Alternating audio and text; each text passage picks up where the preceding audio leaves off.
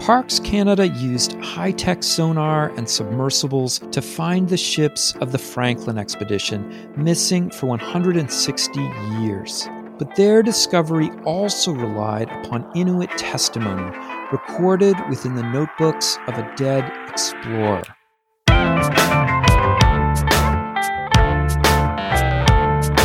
It's time to eat the dogs. I'm Michael Robinson. Today, David Woodman talks about his quest to find the missing wrecks of the Franklin expedition, a quest that led him to the journals of the Arctic explorer Charles Hall, who lived with the Inuit for four years and recorded their encounters with British explorers. Woodman is the author of Unraveling the Franklin Mystery Inuit Testimony, a book that correctly predicted the site of HMS Erebus discovered by Parks Canada in 2014. Dave Woodman, thank you so much for talking with me. Thank you. I'm honored to be here. So, your interest in the Franklin expedition didn't come about from a fascination with polar exploration per se, or even from an interest in Inuit culture. You grew up on the Great Lakes and we were originally interested in wreck diving. Can you talk about your path to this research? Uh, you're absolutely correct. I wish I had a more uh, socially acceptable reason to be doing what I've done, but I started off just as a teenage uh, diver on the Great Lakes. And since the Great Lakes have no coral reefs and in those days very few fish, uh, wreck diving was what you did in Lake Huron or Lake Erie. And uh, I became entranced by the, the wrecks and was very disappointed to hear that uh, wooden wrecks, old wrecks, which were the ones I was interested in, generally turn into basically junk piles on the bottom in, in seawater because of the teredo worm, which reduces them to pieces. Except for the fact that the wrecks in the Great Lakes are beautiful because the teredo worm doesn't like fresh water and it also doesn't like cold water. And so since it didn't like cold water, I thought, well, to find a wreck of my own that no one else had found, which is the ambition of every ambitious teenage wreck diver, uh, maybe I should look for wrecks in the Arctic. And that, that was my way in. It had nothing more elevating uh, motivation than just to be able to brag to my buddies when we went on diving trips that I'd found a wreck that no one else had found. And then the second part of that story was you, as I understand it, you went to the University of Toronto and you started learning about some of these 19th century Arctic voyages and some of the wrecks, some of the more famous wrecks that were left behind. Well, that's right. And, and like many people, my interest was really triggered by a book, which was McClintock's uh, Voyage to the Fox, which I picked up randomly thinking it was going to be a Conrad style sea story. Um, and I read through that and it, luckily it had a latitude and longitude where the Franklin ships had been abandoned. And I thought, well, then this will be easy. I just have to go there, drill a hole through the ice, dive down once, and it'll be all over. Um, it didn't work out that way. Can you actually do a bit of a summary about? I know I've done a number of episodes on the Franklin search, but just for those people who may not know much about the expedition, in, in, brief, what happened to the Franklin expedition and why was McClintock's expedition seen as so important?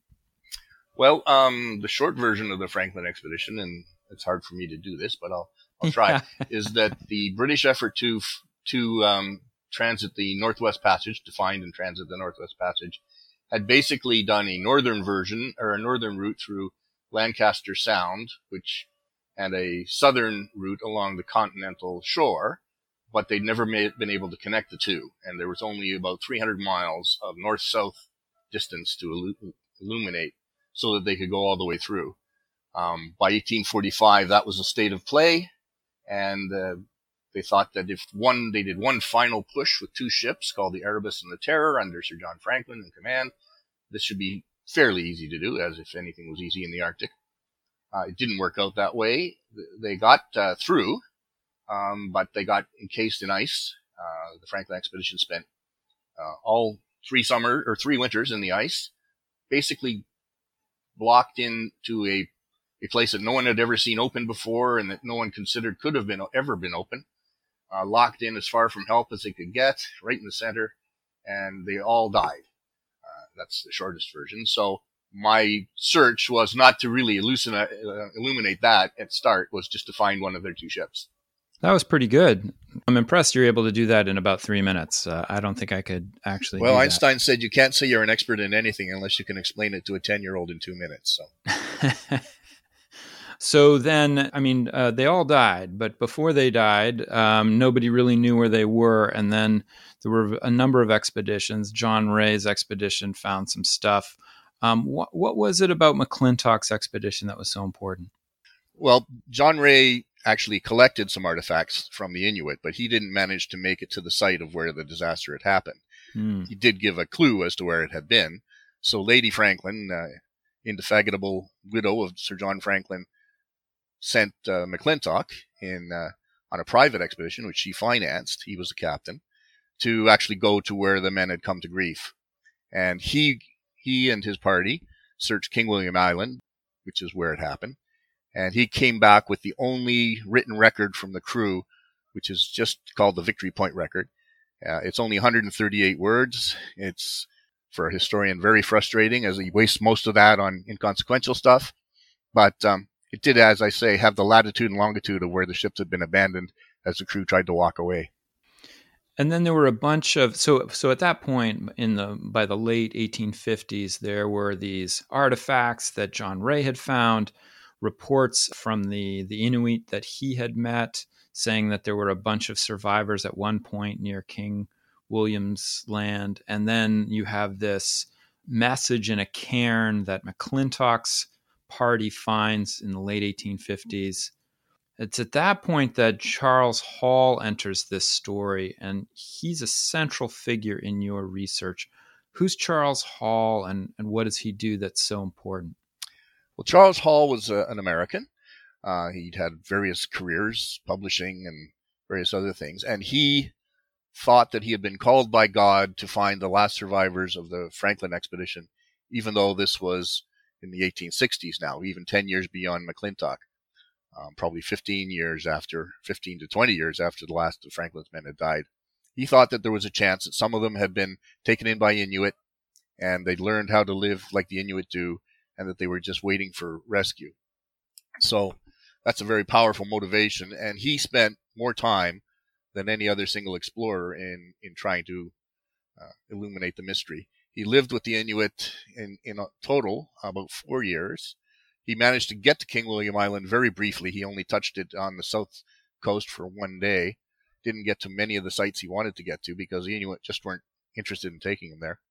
But he did, while he was waiting for all this, for his one trip to King William Island over those four years, he talked nonstop to his hosts. And he collected all the stories he could about white men and Franklin and, and even the Rosses, an earlier expedition. Uh, he had very little else to do and uh, he recorded them all with pencil on paper and really cramped handwriting. And then uh, he came back south. Uh, his notes went to the Smithsonian. He was intending to make his own book out of them, but he immediately shifted target and went off on an expedition to find the North Pole and died on it. So all those notes were eventually put into a book, an edited book, and that became really the only source document we had for most of these Inuit stories about the white men in the north and interaction with Franklin's crews and where they found the ships and the, the tents full of dead men. My thing was that I don't really trust secondary sources. So I actually went down and spent a week in the Smithsonian uh, American Museum of History, uh, going through his handwritten notes and his journals and you know his laundry lists and and most of it was garbage. Most of it was you know it's very snowy today and the meat is rancid. But uh, this was in the late '80s that you're doing this research. Uh, well, yeah. This I, my my actual manuscript was finished in '84, so it would have been about '81. I went down first time. Hmm. My manuscript mm-hmm. languished for a while before it was published, but um, so I was told I was the first person in a hundred years to actually ask to look at the Hall records. Uh, a couple wow. of people have done so since. So that became a, a, a good source of new information. Whatever is new in the book was pretty much from him. So, what kind of I find so amazing about this story that you're telling is you have these initial discoveries in the 1850s, and then you know, uh, I've had Russell Potter, who you, know, uh, who's written a, a book on Franklin, really about the Franklin search. And, you know, there were hundreds of people in the decades after the, the disappearance that were interested in this expedition, what happened to the men, what happened to the ships, and all of these different attempts to extract information out of the Arctic. And I just find it so amazing that in the 1980s, you decide to, in a sense, take a different course and start looking at these uh, documents of Hall and his interpretation of Inuit stories about uh, about the ships. Uh, why were you inspired to do that? Why did you take that approach when nobody else had taken that approach? Um, it's basically the necessity is the mother of invention. I I had pretty much exhausted all the other clues as to where the ships could be, and so you know the final repository of clues I thought might be in the Inuit testimony. I didn't start off believing that the Inuit testimony would be nearly as valuable as it turned out to be. Um, I succumbed to the bias that had existed for a hundred years, that a lot of it was confusing and, and maybe even dishonest. But the more I got into it, the more I found out that it was actually quite accurate. Uh, it was easy to corroborate in many ways. Some of it, of course, is not accurate. We now know some of it isn't accurate, but from everything we found since, we can look back and say that's what they meant. It was either misinterpreted by white men, including Hall, and including me, um, in some cases. But um, they were amazingly observant, which is a life skill for them. Uh, they were amazingly good at giving directions, which is another life skill for them. As one of my friends said, you know, um, being able to identify and give directions to your friend to the next meat cache is much higher in consequence than even peer review.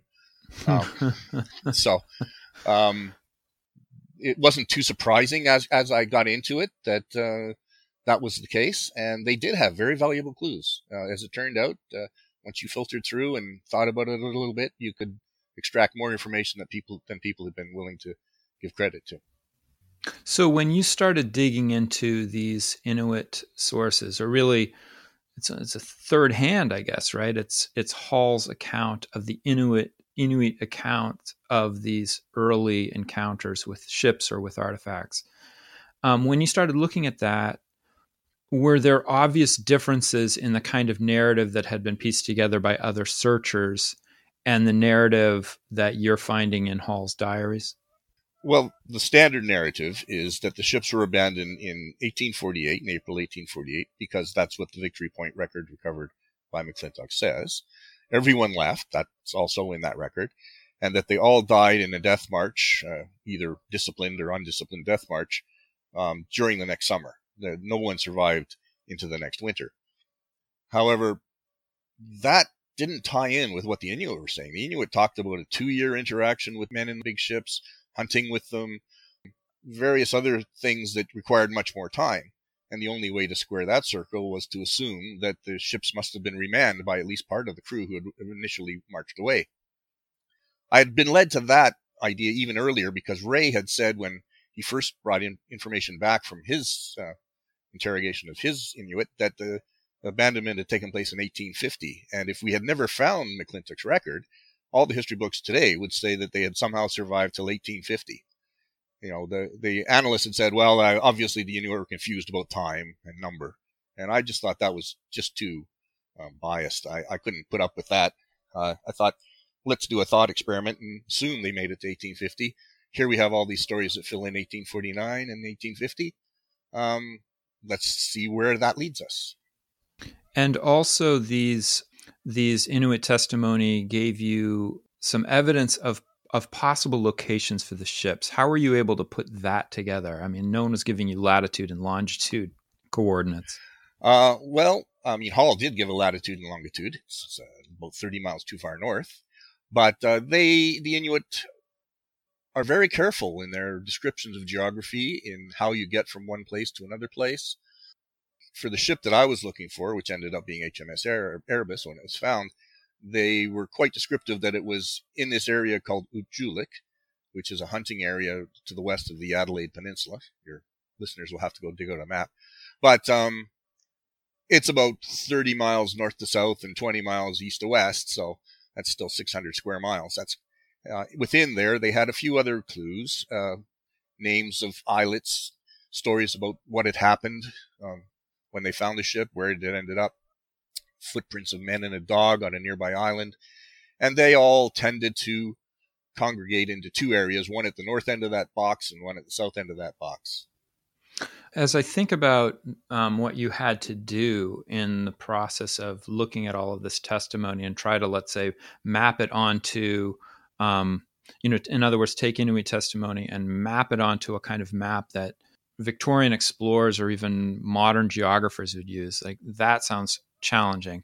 But then I was thinking, just in terms of structuring a narrative, when you're looking at this testimony, which again is is really kind of third person testimony, it also has elements, as you said, that internal th- things that were not consistent, um, as well as, as I understand it, there weren't any dates for a lot of this testimony, and then there were also other elements, sometimes spiritual elements within the narrative. I mean, how did you construct a narrative out of this?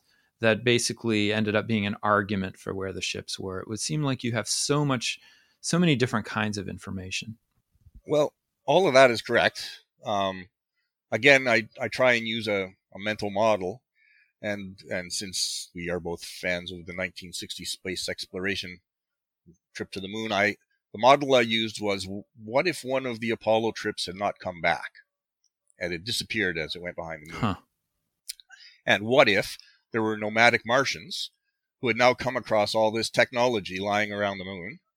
And they, you know, there's lunar rovers, there's crash satellites, there's, you know, lower stages of uh, uh, lunar modules. How would we start asking them, where's the one that we want to find? Where's the one that is still there? And you need to get the diagnostic details. So you start asking the evidence for diagnostic detail? Are there was there a separate buggy that would narrow down which Apollo missions there were? Were there tracks um, of people and how far did they go? What's the name of what do you call it? Describe the places where you found these things. Uh, because to them, they would all be amazing pieces of technology, almost incomprehensible, but somewhat similar. I mean, all of that technology is still similar. And it's the same with the Arctic expeditions. The men all looked the same. They had the same naval discipline. They had the same kind of ships, pretty much. They ate the same food. Even their interactions, when you read through them, were quite similar because the, you know, the culture of the Royal Navy is very conservative. so I needed diagnostic details to sort out when they were talking about Franklin and when they were talking about someone else. And of course, we have records from all the other expeditions. So you could go and say, you know, if somebody said that they were sick and they were taken to sick bay in a tent outside the ship, then you could figure out that that was Parry in 1821 because Parry said a sick bay uh, in a tent outside his ship. No one else did. Oh, um, so things like that. So once you've eliminated all the stories that you can attribute to the expeditions that came back, anything left, you have to start to assume that might be Franklin. Huh. That's wild. You also um, undertook a number of expeditions to the Arctic, uh, 1992, 1993. I think you conducted, was it seven different expeditions? Nine. Starting in 92, 92, 92 to 2004. Did you find materials, uh, artifacts on those expeditions that, you know, confirmed or disagreed with the kinds of work you were doing um, with with uh, Inuit testimony? Um, the, the problem with artifacts is they really don't tell you too much when you're looking for a shipwreck artifacts, especially when they could be tossed on ice, which moves quite a bit, or even in water can drift quite a bit, or is picked up and taken by an Inuit to another place. It, they moved around quite a bit. There were obvious artifact clues that probably the southern area of the box was where the ships should be found. But since the drift of the water is to the south and most of the testimony pointed to the north, uh, I went and looked in the north first my main contribution was to illuminate the North. Uh, when when Parks Canada took up the quest in 2008, after I'd stopped, they concentrated solely on the southern area, and that's where it was found. But uh, really, the clues from the artifacts were not. None of them disqualified the stories. A few of them illuminated the stories, but uh, not really that illuminating until the final clue, the piece, uh, the davit pintle, the really heavy metal piece that was found in 2014 was was the nail in the coffin for finding the ship. You mentioned before that a lot of people had uh, decided to ignore uh, this testimony as being uh, inaccurate uh, and untrustworthy. I was wondering, and you published your book in 1991. Um, what was the reception of that book uh, when it came out? Did, was there a lot of support for your ideas, or did people also continue to be skeptical about Inuit sources? Um, I think I think the reception was mixed. People tended to appreciate my methodology more than my results. Hmm. Uh, even tonight, today, you will be able to read modern Franklin narratives that say that all the men died in that one march in 1848 and ignore all Inuit testimony. Though the tide is turning a little bit more, I've heard more Inuit testimony being included in narratives, though they tend to stick with the stories that are well well attributed and still fit quite easily into that one uh, abandonment scenario. Nobody's really going out on a limb yet, and that's probably wise. You shouldn't speculate now that we found the ships because speculation will probably be rendered moot in a couple years. But uh, my opinion from where the ships were found and the opinion of those who found them is that it, I always thought it was 70 30 that the ships had uh, been taken to where they would be found. Um, now the, I, I think that that's probably prevailing wisdom is that the ships probably could not have drifted to the two locations where they were actually found. So interesting implies that my main uh, theory that the ships had been remanded after the abortive 1848 attempt um, is still out there. It's unproven, but is gaining in popularity. So, how did your work end up being received by Parks Canada? You were talking about how in fact, you were in communication with Parks Canada as as these searches continued. Were they actually using your theory as a way of directing the search, especially off of the Adelaide Peninsula? Well, I, I have been in contact with them, and they're all my friends now, and I talk to them routinely. I'm not sure how much my research was used. Uh, you'd have to ask them. They the outlines of where the southern wreck, the Erebus, was had been pretty much set in stone since 1927, when Gould made a famous map showing the, the two alternative places from Hall or Schwatka as to where the ship probably had ended up. And everything that I added was detail, which confirmed that that had been an appropriate analysis. You know, I had a few other clues, and I told them you most people, uh, you know, could buy them since 1991, as you say when the book came out. I had been there. Of course, I'd done sonar uh, survey by boat and magnetometer surveys by sled over and over again. So I'd eliminated, or my team, I shouldn't say I, my, my team had eliminated a lot of area that they didn't need to recover. So they, of course, had to know exactly what we had done uh, in great detail. And they were very supportive of the Inuit testimony. They still are. I mean, they will give the Inuit all the credit that without that datum, as we used to say in the military, you need a place to start. Yeah. It's a big ocean out there. They it's hundreds of miles from where the ships were abandoned. They they would never have found anything probably if they'd started blank. Uh, they'd still be surveying. So it's huge distances. Said, these maps show how incredibly um, how broad these distances are, and even the search area. I'm actually currently looking at a map of the Adelaide Peninsula. It's it's got to be a hundred miles across, and just the northwest coast of it is is huge.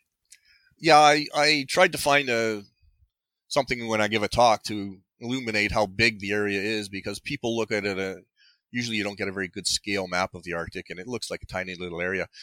I say it's it's like looking for a railway locomotive in the fog with a low powered flashlight in the city of Houston. And all you can do is walk. Oh, and uh, you walk a pattern, but you can only do that for two weeks every year. So it's going to take you a while to find that locomotive.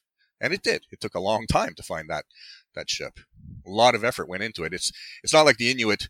Uh, there's a sort of idea out there in the general public that, well, if we just listened to the Inuit, they, we would have been able to walk right up to it. That's so far. It's so far wrong. The Inuit gave us an area the size of you know Connecticut or Prince Edward Island but we somebody had to still do the search. We had to wait for the technology to get to the point where we could do the search. Yeah, yeah. So in uh, in the late '80s, I think it was 1998, uh, Pierre Berton wrote this uh, very well-known book, um, "The Arctic Grail," which kind of tells the story of uh, Arctic exploration in the Western Hemisphere, and he portrays John Franklin as a kind of uh, Victorian bumbler, I guess, someone who is really unprepared for life in the Arctic. Um, you know, brought in woolen clothes and wasn't really prepared for for for living in the Arctic. Um, but that view has gradually changed, and I was wondering what your view of Franklin is. Well, you know, Franklin has gone through various iterations in his history. He started off as a Victorian hero, and then he became a Victorian bumbler. I knew him as much as I could from his letters home and his past history and testimony from people who knew him. And I always knew he was an intelligent and very kind man, probably more intelligent and kinder than I ever am. I didn't think, uh, being a captain myself, that any of the decisions that I could trace from the Franklin expedition had been stupid decisions. Some of them hadn't worked, but they were certainly defensible decisions. So I never really subscribed to the Berton hypothesis. I thought it was more of a reflection on him than it was on what he was reading and his research. I, must admit that uh, my manuscript was done four years before it ever went to a publisher because it's just sat in my filing cabinet. Like I say, I had no academic affiliations. I thought this was a labor of love, but I didn't think it was worthwhile getting it into the world. And then I was sitting reading Berton's new book in 1988 at my kitchen table and marking it up and making snide comments to my wife. And she's the one that convinced me that if I'm going to challenge one of the greatest Canadian historians of all time, I better send my own work out.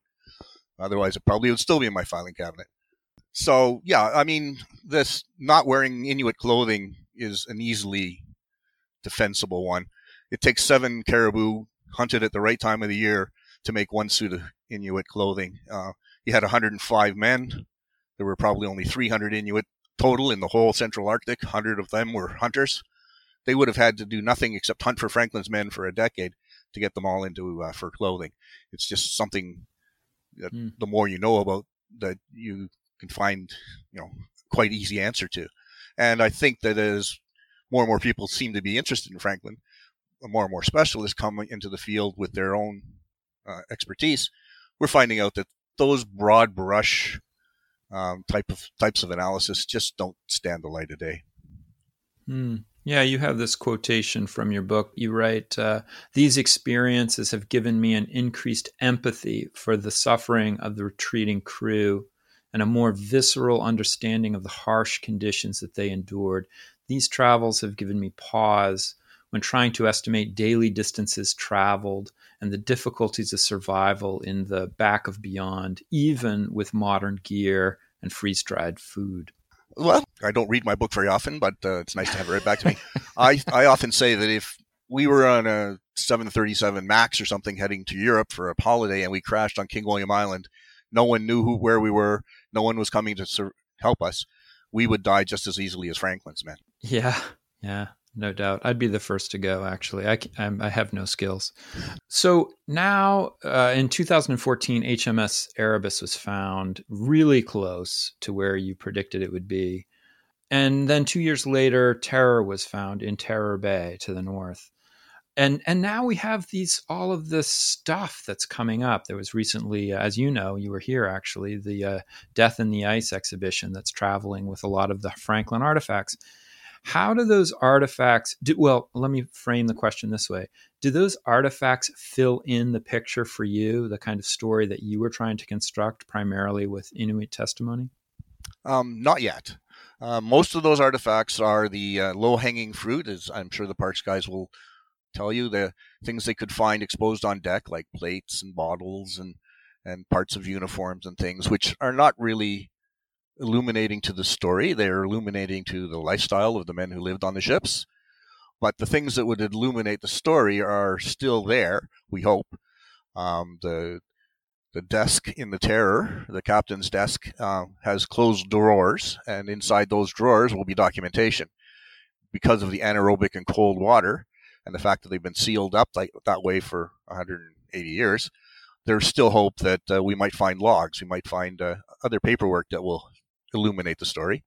They also had an early version of a camera called a daguerreotype machine, so there might even be images uh, still preserved on the ship. There are a couple things they could find that would help. Um, if they found food on board, the Inuit say that they found full tins of food on board, so the men didn't leave because they were starving.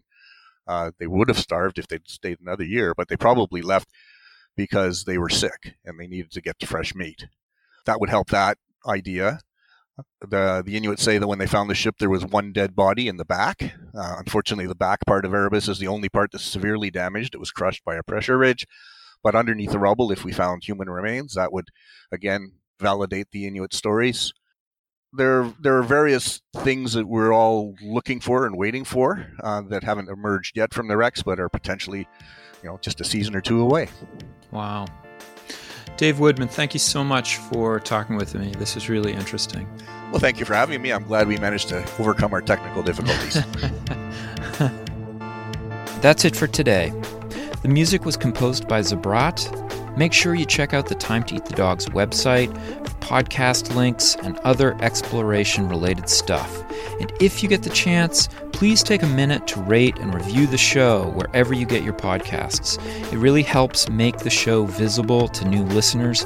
And if you want to recommend a guest or make a comment, feel free to contact me at time to eat the dogs, that's one word, lowercase, at gmail.com. See you next week.